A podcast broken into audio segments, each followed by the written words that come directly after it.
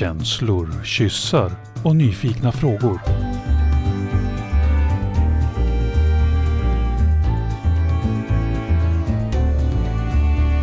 Pollyprat med Minna och Karin. Hej alla trogna lyssnare och hej alla nya. Pollyprat finns ju till för dig som funderar på det här med relationer. Hur du kan göra för att de ska bli så bra som de kan bli, eller bara på ett annat sätt än vad du brukar göra. Eller helt enkelt, om du är trött på att det finns liksom ett manus, då finns ju vi här och vidgar bilden lite. Så idag i Polyprat, då ska vi få gå in i andra generationens Pollyunge liksom. Förra veckan Mina, då fick vi hänga med liksom din berättelse hur det var att växa upp i en familj med föräldrar som gjorde på olika sätt relationer utanför normen. Mm. Så var det. Vi Mm. pratade om min pappa eh, och hur hans reaktion och jag berättade att, att jag och Ulrik skulle öppna upp en rel- relation. Precis, och också så kom vi tillbaka till de här släkt, alltså hur din mamma gjorde ett slags normbrytande polyliv och hur din pappa hanterade det. Och också, vi ska påminna om det, att vi har samtycke till att prata om det här från Mm. din pappa, som Ja. är den av dina föräldrar som finns i livet. Så att man inte börjar känna att det här är lite, vad, vad får man dela liksom. Men det är som är, så hur är det med dig idag, Minna? Idag är det bra. Jag är glad. Eh, Det är fortsatt intensivt arbete här med båten som ska ge sig iväg på långresa strax. Mm. Men eh, idag så har jag faktiskt tagit med mig min son. Hej Nelson! Hej mamma! Hej. Karin! Det här är så himla roligt. Jag har ju suttit vid ett köksbord några gånger och hängt, hängt med er ibland. Eh, och det här är någon slags drömgrej, tänker jag, för en, en polypodcast. Att så här få prata om men hur, hur upplevs polylivet? Liksom, inte bara partners, utan ja, men hur det är att leva i en polyfamilj. Och varför vi, är, jag är så himla nyfiken på att prata om det här med dig Nelson, det är för att vi får så himla mycket frågor om det. Mm. Men tänk på barnen. För det är ingen som tänker på barnen. Eh, och, och då tänker jag att i det här samtalet så är det helt okej att bara både prata om det som har varit dåligt för barnen och det som har varit lite neutralt och helt liksom och bra. Det, så vi har inte dig här som något sorts alibi, liksom. nu ska du trycka en stämpel i pannan och säga att det är okej att växa upp i en polyfamilj. Ja, det kan jag säga också. Ja, hej och välkommen hit. Ja men tack, hej, trevligt att vara här. Ja. Hur länge har du levt i en polyfamilj då? Ja, ganska länge nu. Jag, jag, jag vet inte hur länge är det som det har varit eh, officiellt Polly. Ja, men kanske runt nio år kanske? Nio år är det i så Åtta, fall. nio år. Ja, Ja. Nio, äh, nio år är det. Snart Mm. tio. Eh, du kan väl presentera dig lite. Vi kan ju också säga att Nelson, hur gammal du är och lite så. Eh, absolut. Ehm, jag är 20. Um, håller på att förbereda för att börja studera.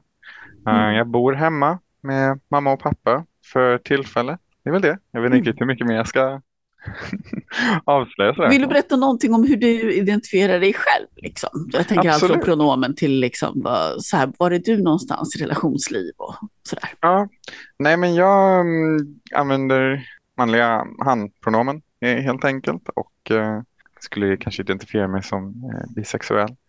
Um, relationsliv så kanske, jag vet inte, det är inte något som jag utforskat enormt mycket personligen men eh, ehm, det kommer vi väl eh, säkert komma in i. Det, det tror jag också är lite relaterat till att jag lite växt upp med eh, den bakgrunden som är en polyfamilj då. Mm.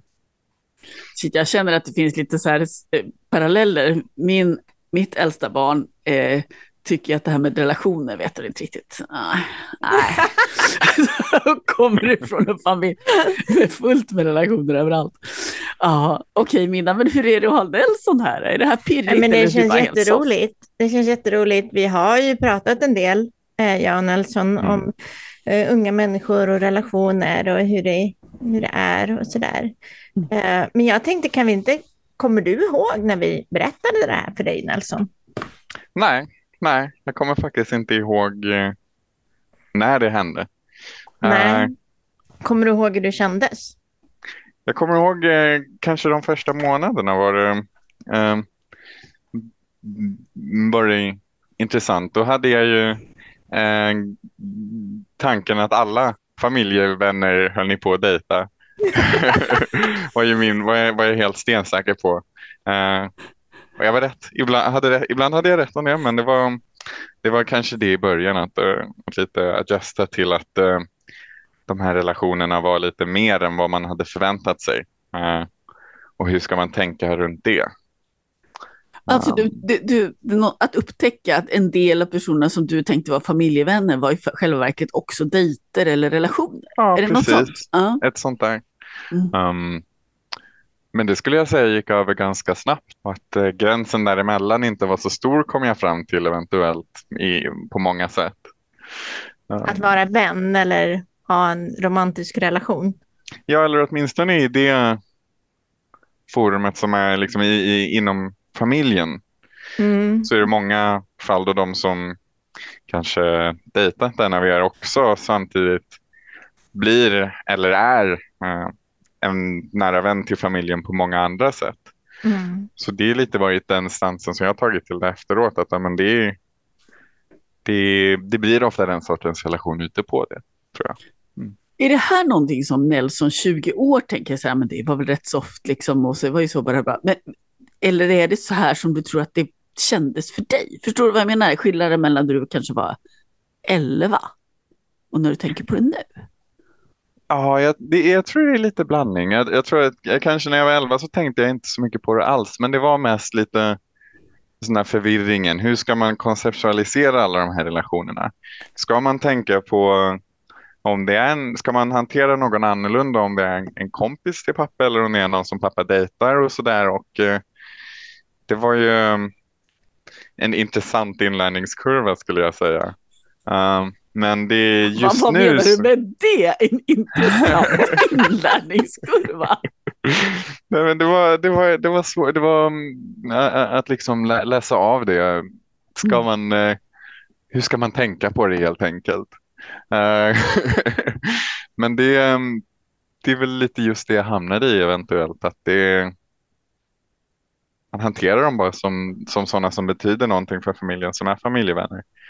Um, Men, men visste du, kände du till någon annan som hade eh, liksom var poly eller hade flera relationer på det här sättet som vi gjorde? Ja, jag tror inte att det var någon uttalat, men jag, jag, jag tror att eh, genom er så hade jag nog träffat flera. Mm. Eh, men jag tror inte det, jag tror ni var de första som jag kände till om det. Var Mm. ni. Um, så det var, det var ju definitivt nytt. Det var inte någonting som jag hade tänkt på att det kanske ens fanns. Så, så då, då ser vi, då är Nelson cirka 10-11 någonstans. Så hur skulle du säga så här, om du skulle ta något så här samlande grepp innan vi går in så på detaljer. Så här. Mm. Hur har det påverkat din barndom att dina föräldrar lever flersamt eller poly? Jag, jag, jag tror att många, mycket av det var ju, är ju exakt likadant som många ja, barns uppväxt. Det var inte, eh, jag är helt säker på en mängd relationer som mina föräldrar har haft som jag aldrig var medveten om och som jag aldrig verkligen träffade personen. Um, men sen med de fallen där det inte var så, så har det varit rätt så positivt. Det har ju varit, jag kan ju inte nämna det, det, det, jag vet inte om jag kan nämna ens en enda långvarande relation som jag också kände till, där jag inte kände att jag också fick en egen relation till den här personen. Eh, där jag mm, liksom hade dem som en vän. Jag kan ju, mm, det finns ju fler, fler namn jag kunde nämna, men exempelvis nyligen Shadi och eh, eh igen som har tillkommit som jag eh, tycker är en enormt trevlig person och som jag pratar med ofta. Um, det har varit eh, flera fall där det händer så. När jag, även när jag var yngre, att jag träffar några av mina föräldrars partner och de lite på, på något vis eh, också blir någon jag pratar med och tycker är trevlig. Ja, det har funnits några som verkligen har engagerat sig i dig. Det har väl varit mer kanske eh, din pappas partners än mina partners genom åren. definitivt. Det tror jag Varför, är, verkligen. varför är det så Nelson? Ja, jag vet inte. Eh, jag vet att många av de partners som pappa har haft var också sådana som, eh, som jag tror eh, var vänner till familjen redan före. Um, och jag ska inte nämna namn såklart, men det, ja, det har hänt flera gånger att det, det är några som jag helt enkelt känner till sen, sen före och sen så får de en relation med pappa efter det. Medan vad jag upplevt så känns det som att de som du har haft relation med Minna är sådana som du kanske hittar i de cirklarna oftast. Mm. Jag har ju varit lite mer, mer eh, extern och de jag har haft relationer, dels har jag inte haft så långa relationer. Eh, och sen så har jag ju inte haft så många relationer som har varit så intresserade av att engagera sig i mitt familjeliv. Eh, och jag har inte heller känt att det har varit... Jag har nog velat att en relation ska mogna lite grann innan jag vill introducera dem för barn och familj. Och, och mina relationer har helt enkelt inte kommit till den punkten. Alltså, jag vill ändå påminna om att du och jag har haft en relation. Mm. Ja, Jag känner ändå för, för informationen, även om det är kort. Du, och du, barnen kände ju dig både innan och efter. Så där går du in i den kvoten. Eh, Nej, men jag tänker det är ju någonting annat Nelson, du pekar ju på någonting där, att det är ju en ganska olika process kan man ju tänka. För Minna, det du beskriver är ju den här, när ska jag introducera personerna för barnen? Det är ju Mm. en icke-fråga om det är en kompis till familjen. Mm. Då skulle det bli ganska konstigt om man bara, vi brukar äta middag ibland, men nu slutar vi ju det. Eh, och sen ska vi börja med det om ett halvår ungefär, igen. Eh, nej, men det blir inte samma sak kan jag bara tänka. Det, I och för sig skulle det kunna vara skillnad med hur fort vill vi visa att någonting har förändrats? Alltså Mm. Nelson, Mm. jag tänker i det här, när får du veta att det är någonting som har hänt liksom i relation här? Ja, ja jag, jag har svårt att bedöma. Jag tror att det var en mer fråga när jag var yngre och när det var mer nytt för er. Um, det kan jag komma ihåg, åtminstone en relation. Det var, så här, jag, jag anade, jag var kanske när jag var 12 tror jag, jag anade att det var någonting som pappa hade pågående och sen efteråt så bara, ja, det, det var någonting. Men eh, nu, eh, åtminstone på senaste tiden, skulle jag nog säga, får du säga till om jag har fel, så har ju ni varit rätt så direkta med att ja, nu dejtar vi eller nu har Mm. jag och den här personen en sak. Liksom. Det är ju ingen mening att inte vara rätt framme med det, har jag förstått det som. Mm. Men Minna, har det förändrats? För, för nu upplever jag nästan från Nelson som att det har förändrats. Ja. Ja, jo, men jag upplever att det har förändrats. Det, vi är mera i identiteten poly och det finns liksom inga... Också för att barnen är större. Det, är- det är som där, eh, vuxna barn kan man ju introducera människor för utan det, det, det är inte en, en risk i att det är en människa som plötsligt försvinner ur deras liv, för så är det när man är vuxen. Men barn är, ju- kan ändå vara lite mera känsligt, tycker jag. Att man introducerar någon som är jätteintensivt och jättenära familjen och sen bara plötsligt är de borta. Um, uh, men uh, och också kanske för att vi, jag och Ulrik var osäkra på vad vår relation skulle ta vägen i det här. Och vi behövde vara en, liksom ihop där på något sätt gentemot barnen. Jag tänker att vägen till öppenhet kan ju se så himla olika ut. Hur, jag tänker Minna, du och jag har ju pratat mycket om det. Dels med alla olika gäster genom de här åren och där människor faktiskt har gjort väldigt olika. Mm. Dels i hur olika människor är öppna med sina relationer överlag. Men sen den här, hur ska vi göra gentemot barnen? Det är verkligen så här, det finns alla varianter. Ja, det finns alla varianter och jag upplever att jag behöver göra det lite olika beroende på vilka fas jag är och hur jag själv mår och vad jag har för kapacitet. Och... Men Nelson, du har väl Mm. varit genom åren ganska öppen mot dina kompisar om hur vi gör, eller hur? Ja, ja precis. Varför det? Det är, nej men jag skulle säga att det är, jag skulle, om de, de kompisar jag har försöker jag vara väldigt nära med och det är ju en del av mitt liv och då blir det, det är som du sa, om, om, när man är öppen och när man är, speciellt när man har vuxna barn, om att det blir liksom lite konstigt om man har en person som man bara liksom gömmer som varit ett familjekompis. Så ifall de känner till att ni existerar och kanske till och med har pratat med er, då lika bra att de vet liksom. Ja. Och det har du ofta... för, vad har du fått för reaktioner på det? Ja, det har varit annorlunda. I Sverige så är det ju typiskt, det är ju folk nästan alltid supersvenska reaktioner. Bara, åh, jaha, okej. så, och så är det med det. Um, Precis, och så, går, så vet du att de går och funderar själva, men de kommer Precis. inte till dig. Nej. och har en massa frågor som de kan hålla till sig själva. Eller Men- prata med andra om och liksom vill processa men inte besvära dig med. Ja, men precis. Så då, då, de, de, det, skulle vara, det tycker de bara skulle vara konstigt ifall så skulle ställa frågor till mig. Så eh, ja, men utomlands så har det varit med avsevärt fler heter det, frågor. Heter det, För du Då- har, ju, du har ju bott utomlands och läst utomlands. Vad, vad är skillnaden då menar du? Ja, där, är ju, där brukar ju folk vara mycket mer rättframma. Eh, För, för både för, för det värre och, och, för det bättre. Eh, Då har ju bara haft positiva upplevelser skulle jag säga ändå. Eh, Kanske vissa som varit lite inte tänkt sig för när de pratat. Jag har fått vissa som bara är lite chockerade. Jaha, men eh, Polly, betyder det att de bara är ihop för dig och Edgar då? Um, och sen Mm. så har de oftast då lite chockerat på att nej, så är det såklart inte. Um, ehm, och säger såklart förlåt eh, efter det. För det är inte fallet. De som har varit mest chockerade har ju varit från så här, palestinier. Då har det varit en väldigt annorlunda sak. För där är ju familjestrukturen väldigt, väldigt stark. Så för dem är det ofta väldigt chockerande. Um, Mm. och väldigt intressant. Mm. Men har du fått frågor? Har du fått berätta liksom? Eller har det varit någonting som bara har nämnts och sen är det bra med det? Nej, jag tror jag har fått berätta. Eh, och jag tror att det är, det, är, det är roligt för jag tror det är många som eh, börjar med att vara helt chockerade. Eh, men sen när, när de får höra hur det funkar i praktiken och hur de ser ut så säger de bara, "Ha, men så skulle jag nog vilja ha det. Det verkar ju rätt så rimligt ändå. Shit vilken vändning.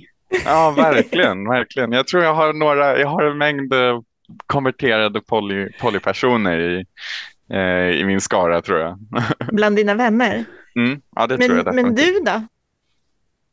Ja, jag tycker det är en...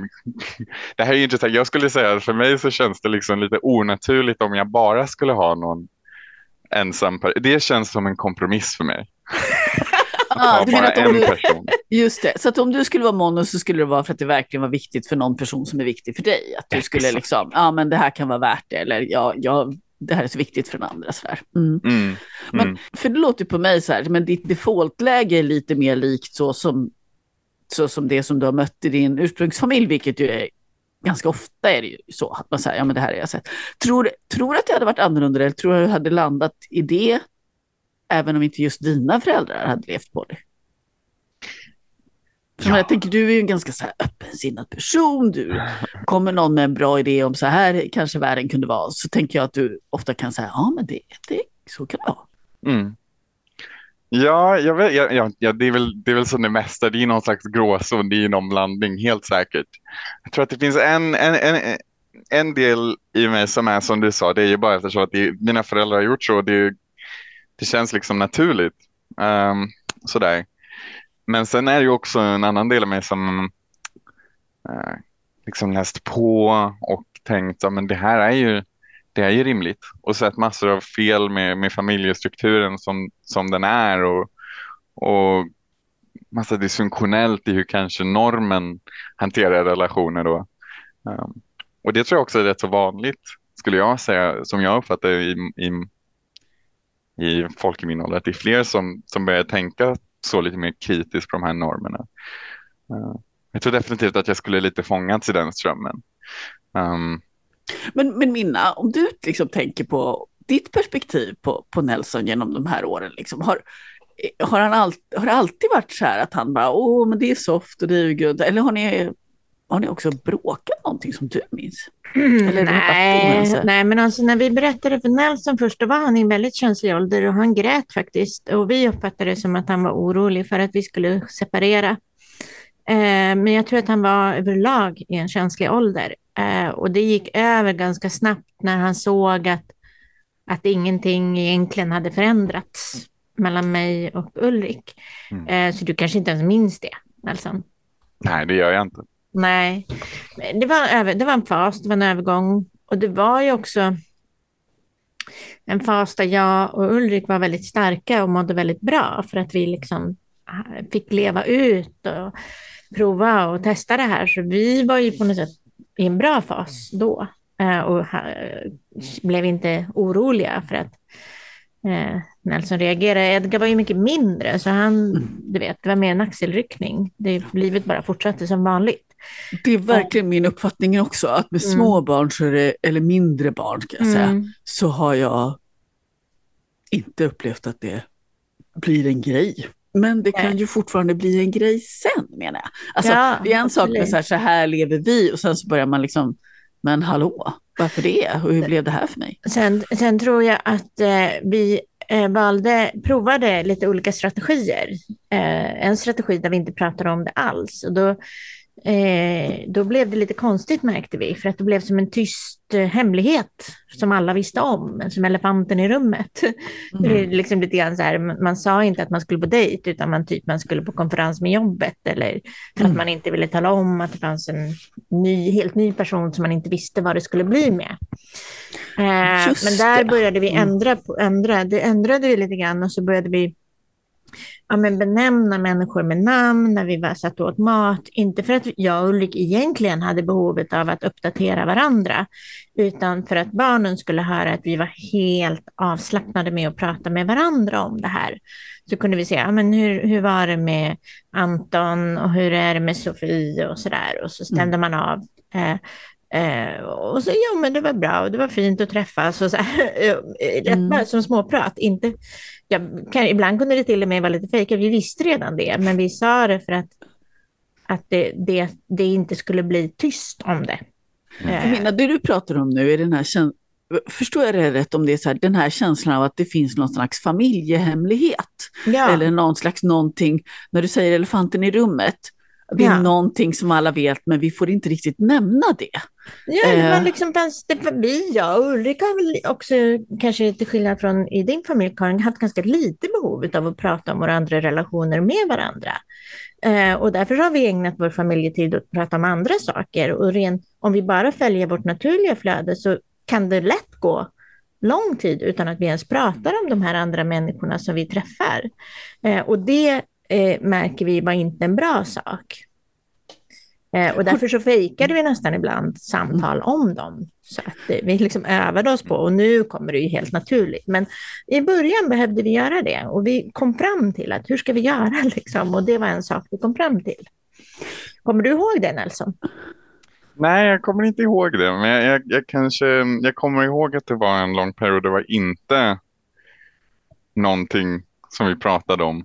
Mm. Uh, jag, jag, kommer inte ihåg den här övergångsperioden du beskriver, men jag kommer ihåg det här att det var en period där, där vi visste att det var någonting som hände, men inte, uh, inte mer än så. Och jag, jag kan säga att det, mm. det tror jag definitivt är rätt vanligt, lite röra sig ifrån det. För det är ju, det om någonting var kanske en lite förvirrande period, det är ju det som jag beskrev med att man kanske inte vet liksom, vad, hur är, vad är det här för relation som föräldrarna har till, till någon, som de, någon som är över för middag eller till någon mm. familjekompis.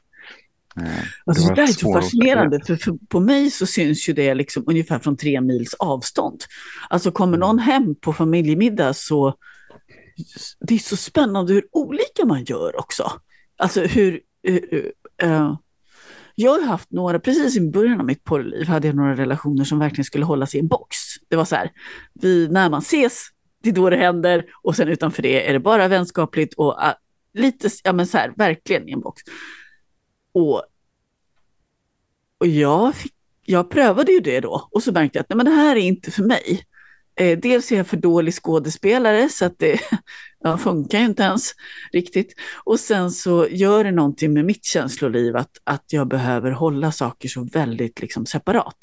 Jag får ont i hjärtat. Medan för andra kan ju det funka jättebra. Det är nästan skönt. Liksom. Nu vet ja, jag men jag tror att för mig och Ulrik så är det någonting som också funkat också för att vi kanske eh, pri, liksom prioriterade barnens upplevelse. Om man kommer in någon som man liksom hånglar upp så blir det väldigt obekvämt för barnen att knyta an till den här personen vänskapligt. Eh, eller vad säger du Nelson? Nej, jag tror det är exakt rätt. Ja. Men nu är du präglad på mig. Hade du varit Karins barn så hade du kanske an- upplevt annorlunda. Men för jag menar, hade vi ett intresse av att de skulle knyta an till någon som vi ville ha nära oss så behöver ju, ja, i alla fall inte med en 14-åring och en 15-åring, man, man står inte liksom och hånglar upp varandra i köket när man samtidigt vill att de ska ha en connecta. Det gör man inte. Det går inte. Inte i vår familj i alla fall. Men där kommer väl den där skillnaden då i, liksom det blir olika familjekulturer men det är också en, eh, jag hånglar ju kanske inte upp Örjan galet mycket i vårt kök heller. Nej. Alltså det är någonting med vad är, vad är barnen bekväma med, hur är det? det? Jag tycker det här har varit svårt för det här är något, mina olika barn har väldigt olika uppfattningar om vad som är okej och inte okej. Men, men Nelson, om, vi det- ska hoppa, Mm. om vi ska hoppa till ditt perspektiv igen nu då. För jag tänker så här, om jag skulle vara poddlyssnare nu så skulle jag ju sitta och tänka så här, men Nelson, det är du som har svaren. Du vet ju hur det är. Du har ju det här liksom, precis färska perspektivet av hur det är att växa upp med en familj Mm. där man gör flersamhet. Liksom. Vad har du för tips till så här? Och du kanske, på, först jag skulle vilja fråga är liksom, om du skulle prata till andra barn som är då yngre än vad du är eller unga vuxna som du är. Vad har, vad har, vad har du? Har du så här tips och tricks för? Hur navigerar man där? Ja, men jag tror att det första är mm, minimumet skulle vara just att få klart för sig hur relationer ser ut och, och ha någon slags, det måste inte ens vara en erkänd dialog, men ändå få någon slags grepp från, från föräldrarnas sida. Att, men hur tänker de på det här? Vad, vad är deras mål och vad är deras relationer? Eh, för det kommer ta bort så mycket gissningsarbete.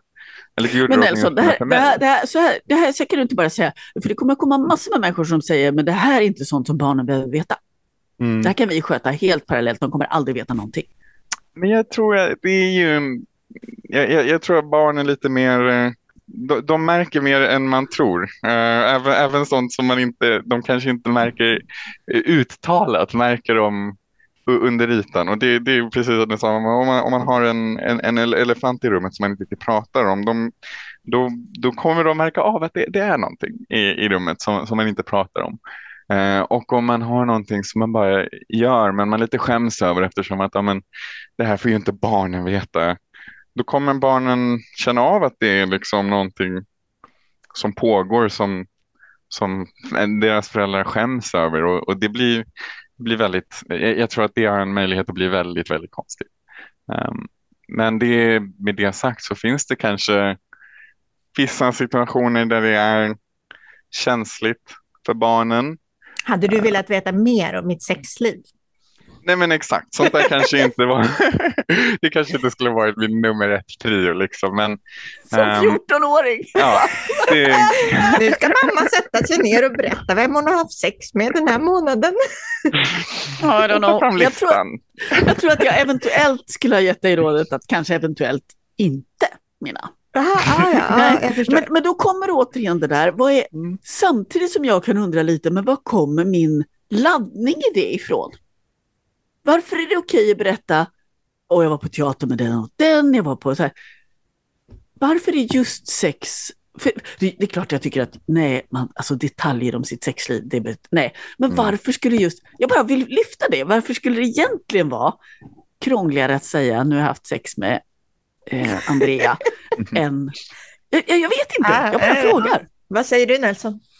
Jag tror att det beror ju mycket på åldern. Liksom. Alltså nu när jag liksom vuxen och gammal och det är inte, eller vuxen, Jättegammal. jättegammal. Men jag får, jag, det är så man känner sig när man är 20. Men då, nu skulle jag inte säga att det skulle störa mig på någonting, eh, på något sätt. Men om jag är tillbaka till när jag kanske var yngre, då är det ju liksom, men, du vet, men, eh, som, som barn är liksom, men det är åh, pinsamt, pinsamt, snopp och snippa. Och, det, är- det, är liksom, det är alltid en sån, sån stor grej som För man har ju inte erövrat det själv heller. Exakt, det är bara något så här stort moln som är lite pinsamt och, och pirrigt och läskigt och då, då blir det jä- jättesvårt. Eh, men det, är vill man ju, ju inte ens prata om att ens mamma och pappa har sex med varandra. Liksom. Ja, exakt. Mm. Men eh, det beror ju så, såklart på. Som sagt, nu så skulle det ju inte störa mig alls eh, om att, bara veta att det hände. Men det, det innebär ju inte att det är så du ofta tar upp det mamma. Du tar ju upp det som att eh, jag träffar den här personen eller något sånt där. Om det Just det. liksom, så. Mm. Men, Ja. men Minna och Nelson, om ni skulle liksom, om ni skulle berätta, för jag tänker nu fick ju du ge det, så här, det här rådet till föräldrar blev det egentligen så här, våga berätta om. Men om Mm. det skulle nu, det sitta någon 14-åring och lyssna på den här podden eller om man har en 14-åring i sin omgivning och, och liksom vill prata om hur det är att vara en flers, alltså att föräldrarna har flersamma relationer. Vad skulle du ge för råd till, till barnen eller ungdomarna? Liksom? Ett, är det okej att känna sig obekväm till exempel med att ens föräldrar är Mm. flersamma och poly? Eller hur, Ja, eh, men ja, jag skulle säga alltså vad som är okej att känna. Man får ju känna exakt hur man vill såklart. Uh, och man får ju uh, ha, ha någon slags dialog om det. Uh, man får också förstå att det beror ju jättemycket också på hur man själv är, hur gammal man är, hur mycket erfarenhet man är, har och hur beroende man är av, av, av, föräldrarna. Eftersom man är på liksom en extrem nivå, det spektrumet som man nästan alltid är om man är yngre, då har man mycket mer i sig, men om man kanske är i min ålder så är det såklart en helt annan grej. Eh, men jag skulle ju säga att kanske åtminstone om det är så att det känns fel, vilket det låter som att det gjorde för mig i början, även fast jag då har, har glömt det här. Ehm, Det var en kort övergångsperiod, men du Ja. grät. Så. Ja, men jag tror det är som du sa, att jag var rädd att det handlade om er, er relation. Det kan Mm. ju vara ett tips. För det kan jag verkligen tänka mig att eh, för folk som inte riktigt har bakgrunden om att det här är en sak som pågår, det är många personer som har massa fungerande relationer och, och är poly.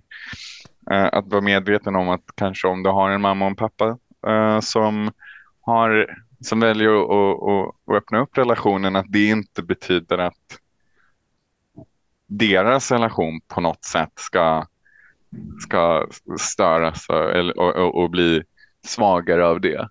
Eh, att det är en rädsla som man inte, som ofta är lite, som jag inte är rationell på hela tiden. Eh, att det, det är någonting man kan tänka på.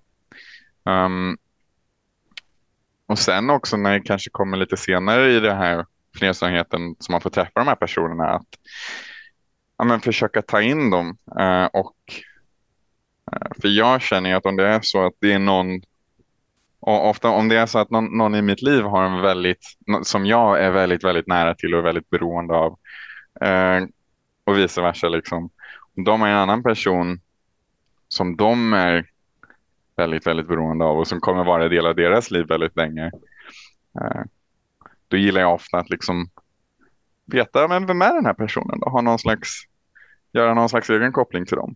Och det re rekommenderar jag.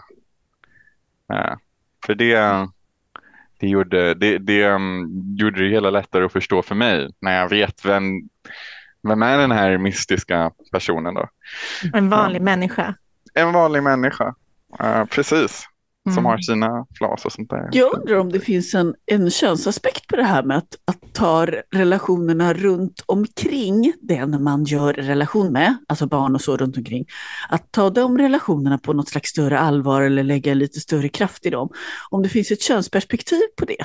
För jag menar, det, det vi pratar om nu är att det, om jag har förstått rätt, så är det liksom mer kvinnligt kodade personer som ändå har gått in och varit mer gått in och varit mer liksom åh men jag vill också ha relation med med barnen som det var då. Ja, ja det, det kanske är... Ja, det, är för lite, det är för tidigt för mig i mitt liv att göra den analysen. För jag vet ju också att det finns eh, liksom kvinnor som drar ihop sina män och så kommer männen väldigt bra överens. Eh, Så jag tror inte det är helt representativt som det har blivit i Mm. vår familj. Ehm, ehm, och jag vet inte riktigt faktiskt. Men jag menar, vi kan ju ta som nu i helgen, ett- exempel. där både Jag var väldigt upptagen och Ulrik var bortrest eh, hos en annan flickvän. Eh, och vi lämnar Nelson och Edgar, nu är ju inte du stor, men Edgar är snart 16, men lite vind för våg sådär hemma själva. Ja, men vad gör han då? Då ringer han själv till Ulriks andra flickvän, Shadi, och frågade, hej kan jag komma hem till er? ja, och de bara, ja självklart kom över och så åker han dit och så sover han där i två nätter och, och sen visar det att Nelson också har ringt till dem för att åka över för att Ja, du skulle löda någonting. Ja, jag skulle löda en tenn, precis. Och det här är också, också en, en till sak som man kan tillägga om, om, om vi pratar om det könskodade. Just med kärleken så tycker jag är väldigt fin framgångsstory. För där var det ju inte ens, nu har jag, känner jag inte ens bara att jag har en, någon slags eh, relation till Shadi, utan jag har ju också en, en relation till Shadis uh, man Jonny, för det var honom som jag pratat med. Och vi hade liksom pratat massa och han sa, men kan inte, ska, ska vi inte komma över och ladda ihop det här och nu när du har det här, det här projektet? Jag bara, det ska vara skitkul. Mm. Um, det, och Shadi ju... har du ju också fått en massa hjälp av. Mm, med, med jobbet. Mm. mm. Precis. Och programmering mm. och sådär. Så, där, de har ju verkligen ja, så här, skapat sig egna relationer till er. Mm. Jättefint, det tycker jag är jätteskönt. Mm. Och jag vet ju att Edgar också uppskattar väldigt mycket. Mm. Mm. Så den här delen av så här, åh, jag är så rädd, hur ska det bli, tänk om det blir fler personer i, i, i familjen. Just det här som ni pratar om just nu, Minna Nelson, det är mm. liksom den, på något vis i min så här, köksbordspolyvärld så är det liksom den våta drömmen att det blir det där, mm. nej men titta det blir någonting fint för, för fler. Mm. Alltså för fler i familjen. Sen så är det inte alltid det funkar så alls, men, men just det här som ni berättar nu blir jag ju liksom alldeles varm i hjärtat, att det helt enkelt är fler människor som betyder något. Ja, men det är jätte... Jag, och det är ju liksom, jag menar så skulle jag gärna vilja se att det är med mina vänner också. Uh, och jag menar, så är det ju med dig också Karin. Hade du bott i Stockholm och jag menar, om Nelson är på Gotland, klart att han skulle åka och hälsa på dig. Eh, Nelson nickar. Mm. Ja, men jag tänker att man är en del av så här, och vad behövs det och vad finns det? Och, eh, ja, det finns ju nej. väldigt mycket grejer man kan göra hemma hos oss. Kan säga. Jo, man kan men det, det, är väldigt, det finns någonting med vuxna relationer och barnens relationer i dagens samhälle, att de är väldigt separata. Så här, mm. så här. Men jag tror att vi, vi, alltid, kanske även innan vi blev poly, liksom har fostrat eller velat ha en familjedynamik där är man vän med människor så är hela familjen vän med den här människan. Mm. Eller hur? För det här gäller ju inte bara människor vi har relationer med, utan det gäller ju andra människor också. Även om ja, människor som man har kärleksrelationer med tenderar att bli mera inbjudande till en ytterligare en privat sfär på något sätt. Definitivt. Ja, det håller jag med om. Men min, liksom, hur tänker du om det här? Att, kommer det att fortsätta så här? Kommer dina föräldrar att typ vara poly på ålderdomshemmet?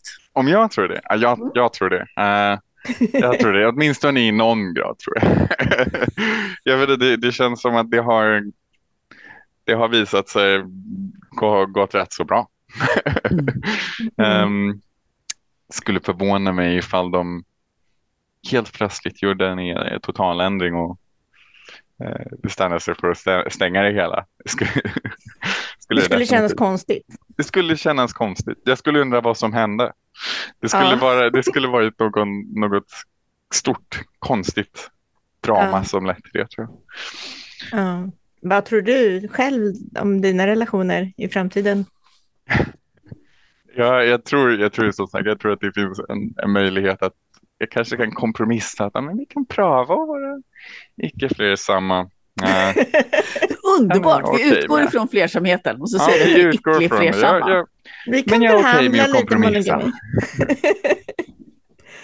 mm, äh, men jag, jag, jag är allmänt lite relationsanarkistisk när det kommer till sånt så jag skulle mest säga att jag har massa relationer redan som är lite borderline mellan vänner och, och, och romantiska och det eh, är lite nog så jag kommer föra det hela framåt.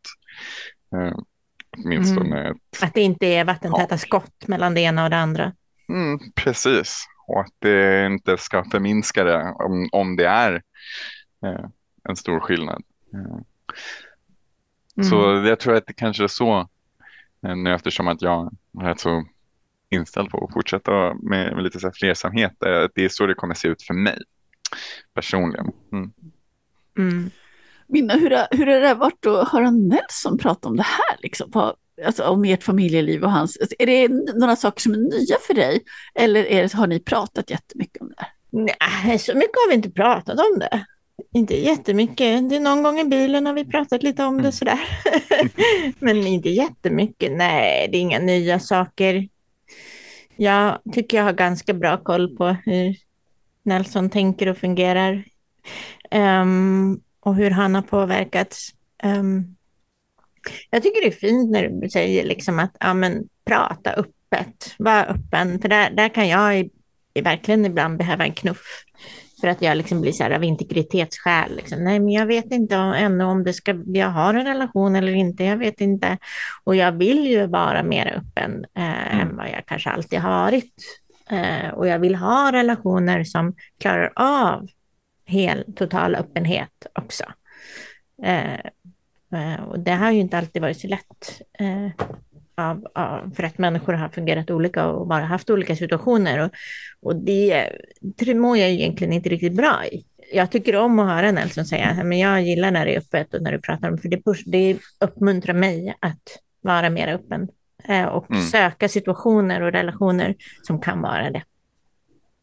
En sak som jag också tänker är att eh, i polylivet så kommer ju också tillfällen där allting är så jävla pissigt och dåligt. Man har blivit dumpad eller liksom man har haft något stort gräl med någon annan. Om jag som förälder håller det väldigt långt bort ifrån mina barn, då kommer de att nosas upp att någonting är fel, jag är ledsen, men, och den där förklaringen känns precis så shady at the least. Liksom. Det här är, det är något mer. Och där har jag haft en den delen där jag, där har jag ibland funderat på om det är rätt eller fel, men jag har berättat för mina barn en del om varför jag är ledsen. Inte allt, men alltså en, när det har känts mer, känts mer. Och gjort någon slags bar, barnversion av det, som sagt. Eh, men att det hellre har varit så här, nej men det här, så här är det. Mm, åh, jag saknar den och den. Eller jag. Och jag, hittills upplever jag att med yngre barn har det varit väldigt enkelt att göra det egentligen. Att ju rakare och ärligare jag är på, på den nivå som liksom ändå är barnets nivå, desto lättare det vart. För ett tag sedan så hade jag en sån här, ett snack med min tolvåring. Jag var så här deppade ihop över att min relation med Anders, att han bor så långt bort och jag kommer aldrig få bo ihop med honom och sådär. Och jag skulle vilja att vi bodde ihop nu. Och då, liksom, då sa min tolvåring så här, men du Karin, du måste ju förstå, det är ju helt orealistiskt. det är så här det ser ut. Så förklarade han lite omständigheter, och, men väldigt klar. Han var mycket klar över anledningen till varför det var en dålig idé. Och så var han ändå så här liksom tröstande i att jag kan ju känna så, att det kan vara så. Eh, och jag hoppas för honom att det inte var ett moment av att, eller ett, ett tillfälle när han på något vis kände att åh, jag måste vara jättevuxen för min mamma. Utan lite mer av att men vi kan prata om det som är jobbigt. Så, men så sa jag att du, du, du är klok, du har, du har ju koll på det här, du vet, lite, du vet lite om hur det är. Hade jag inte varit öppen hade vi ju såklart inte kunnat prata så här, men förhoppningsvis blev det att det blev lite begripligt för honom vad, vad det faktiskt var som hände i mitt liv utan att han behöver, han behöver inte fixa det eller ordna det, och det men det är framför allt är ju inte hans fel. Det är liksom ingens fel att det ibland är. Jag vet inte, eh, vi har inte pratat på det sättet riktigt. Däremot har du ju eh, sett eh, ett antal gräl mellan dina föräldrar. Ja. precis. precis. Ja, men de har ju väldigt, väldigt sällan varit polyrelaterade. Utan de har ju handlat om min och hans relation. Eh, Men jag tror inte, jag upplever ju att du Nelson har en ganska stark integritet.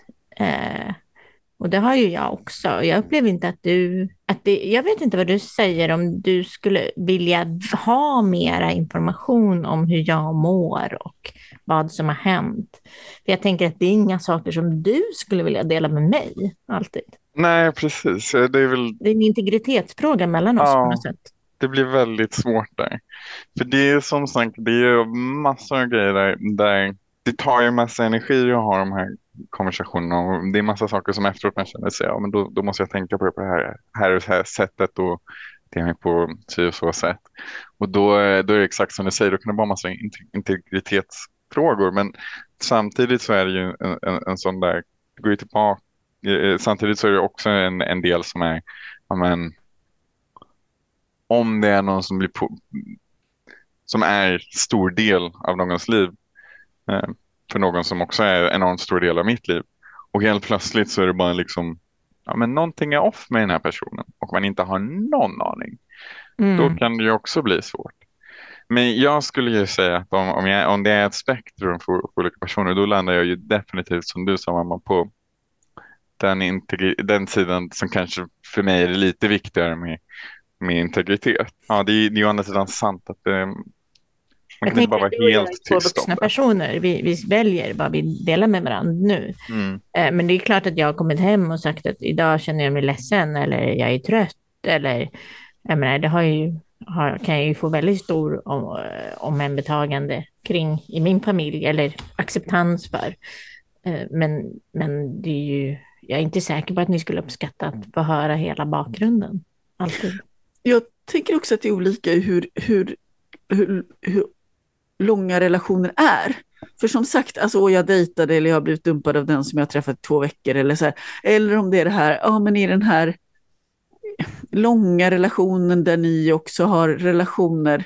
Ja, det är klart. Ja men, ja, men om, om, om, om, jag bara hittar på nu. Nej, men det har förekommit, nej, men det har förekommit i, våra, eh, i vår familj också. Att det har Mm. funnits relationer som har varit intensiva och nära och sen har de plötsligt försvunnit.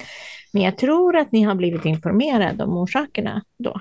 Har ni inte det? Eller har det Ja. hänt att vi har missat det? Jag, jag tror att det, det har varit, det, eh, jag kan tänka om två kanske exempel.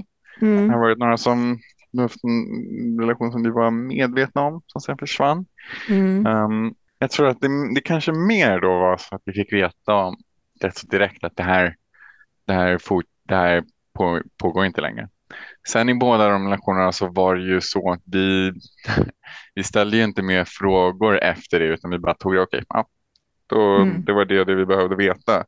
Men sen så listam, listade vi ut lite efteråt från heter det, kontext och från eh, så när personerna kommer tillbaka och man pratar med dem okej, kanske man kan pussla ihop en bild av, av vad som hänt.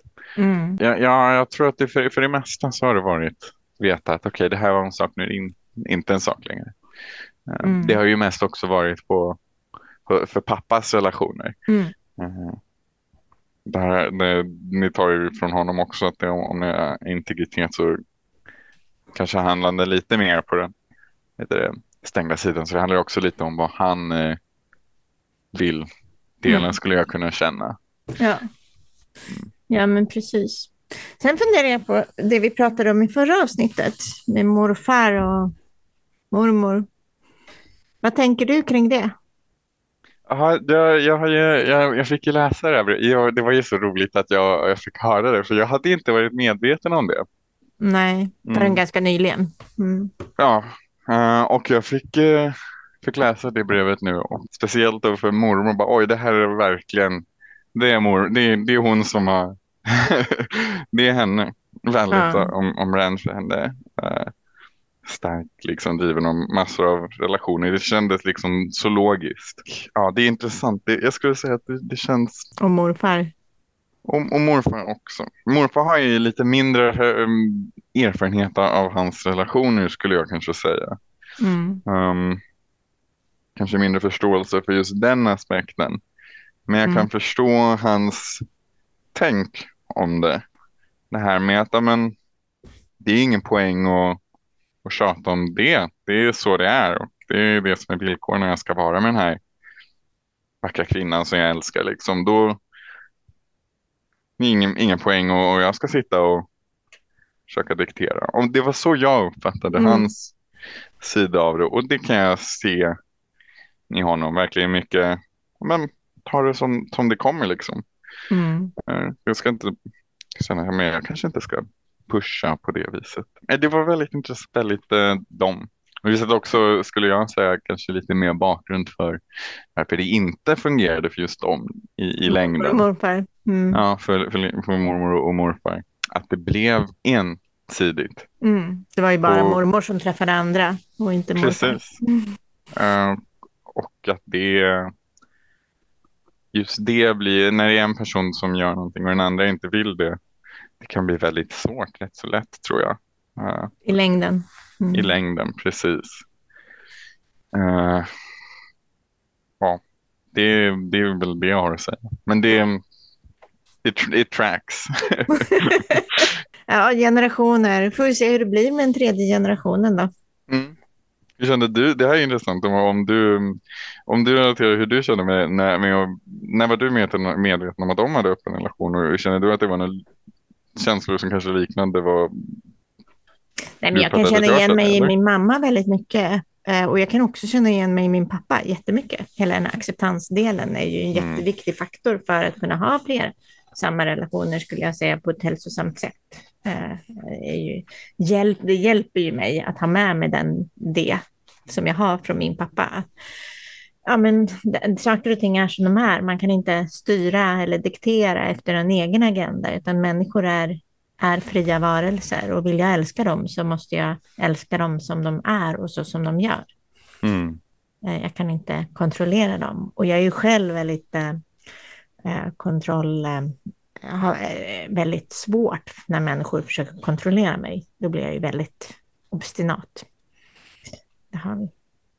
Ja, och det, är, det är ju morfar upp i dagen. Där var väl min mamma mera lydig.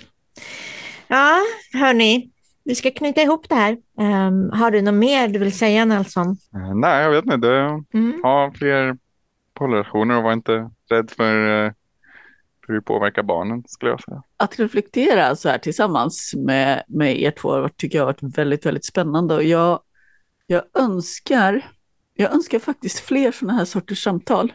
För jag tänker att vi bygger så mycket bilder av vad det är som egentligen är det som är farligt eller det som är så jobbigt eller så. Och det går inte att veta förut, utan att prata mm, mm, ja, med, med barn i det här fallet, eller en ung vuxen som du är, men du får ju prata för hur det har varit för dig. Sen tror jag att det finns många olika sorters berättelser om att växa upp ja, i poly eller flersamma mm. relationer. Och och Minna, du har ju faktiskt gett en annan berättelse bara om hur det var för dig. Mm. Eller hur? Mm. Jag hoppas och tror att vi kan få fler sådana här berättelser. Jag tror vi behöver dem. Mm. Uh, jag vill bara lägga till det här perspektivet att ni två bor i storstan. Mm.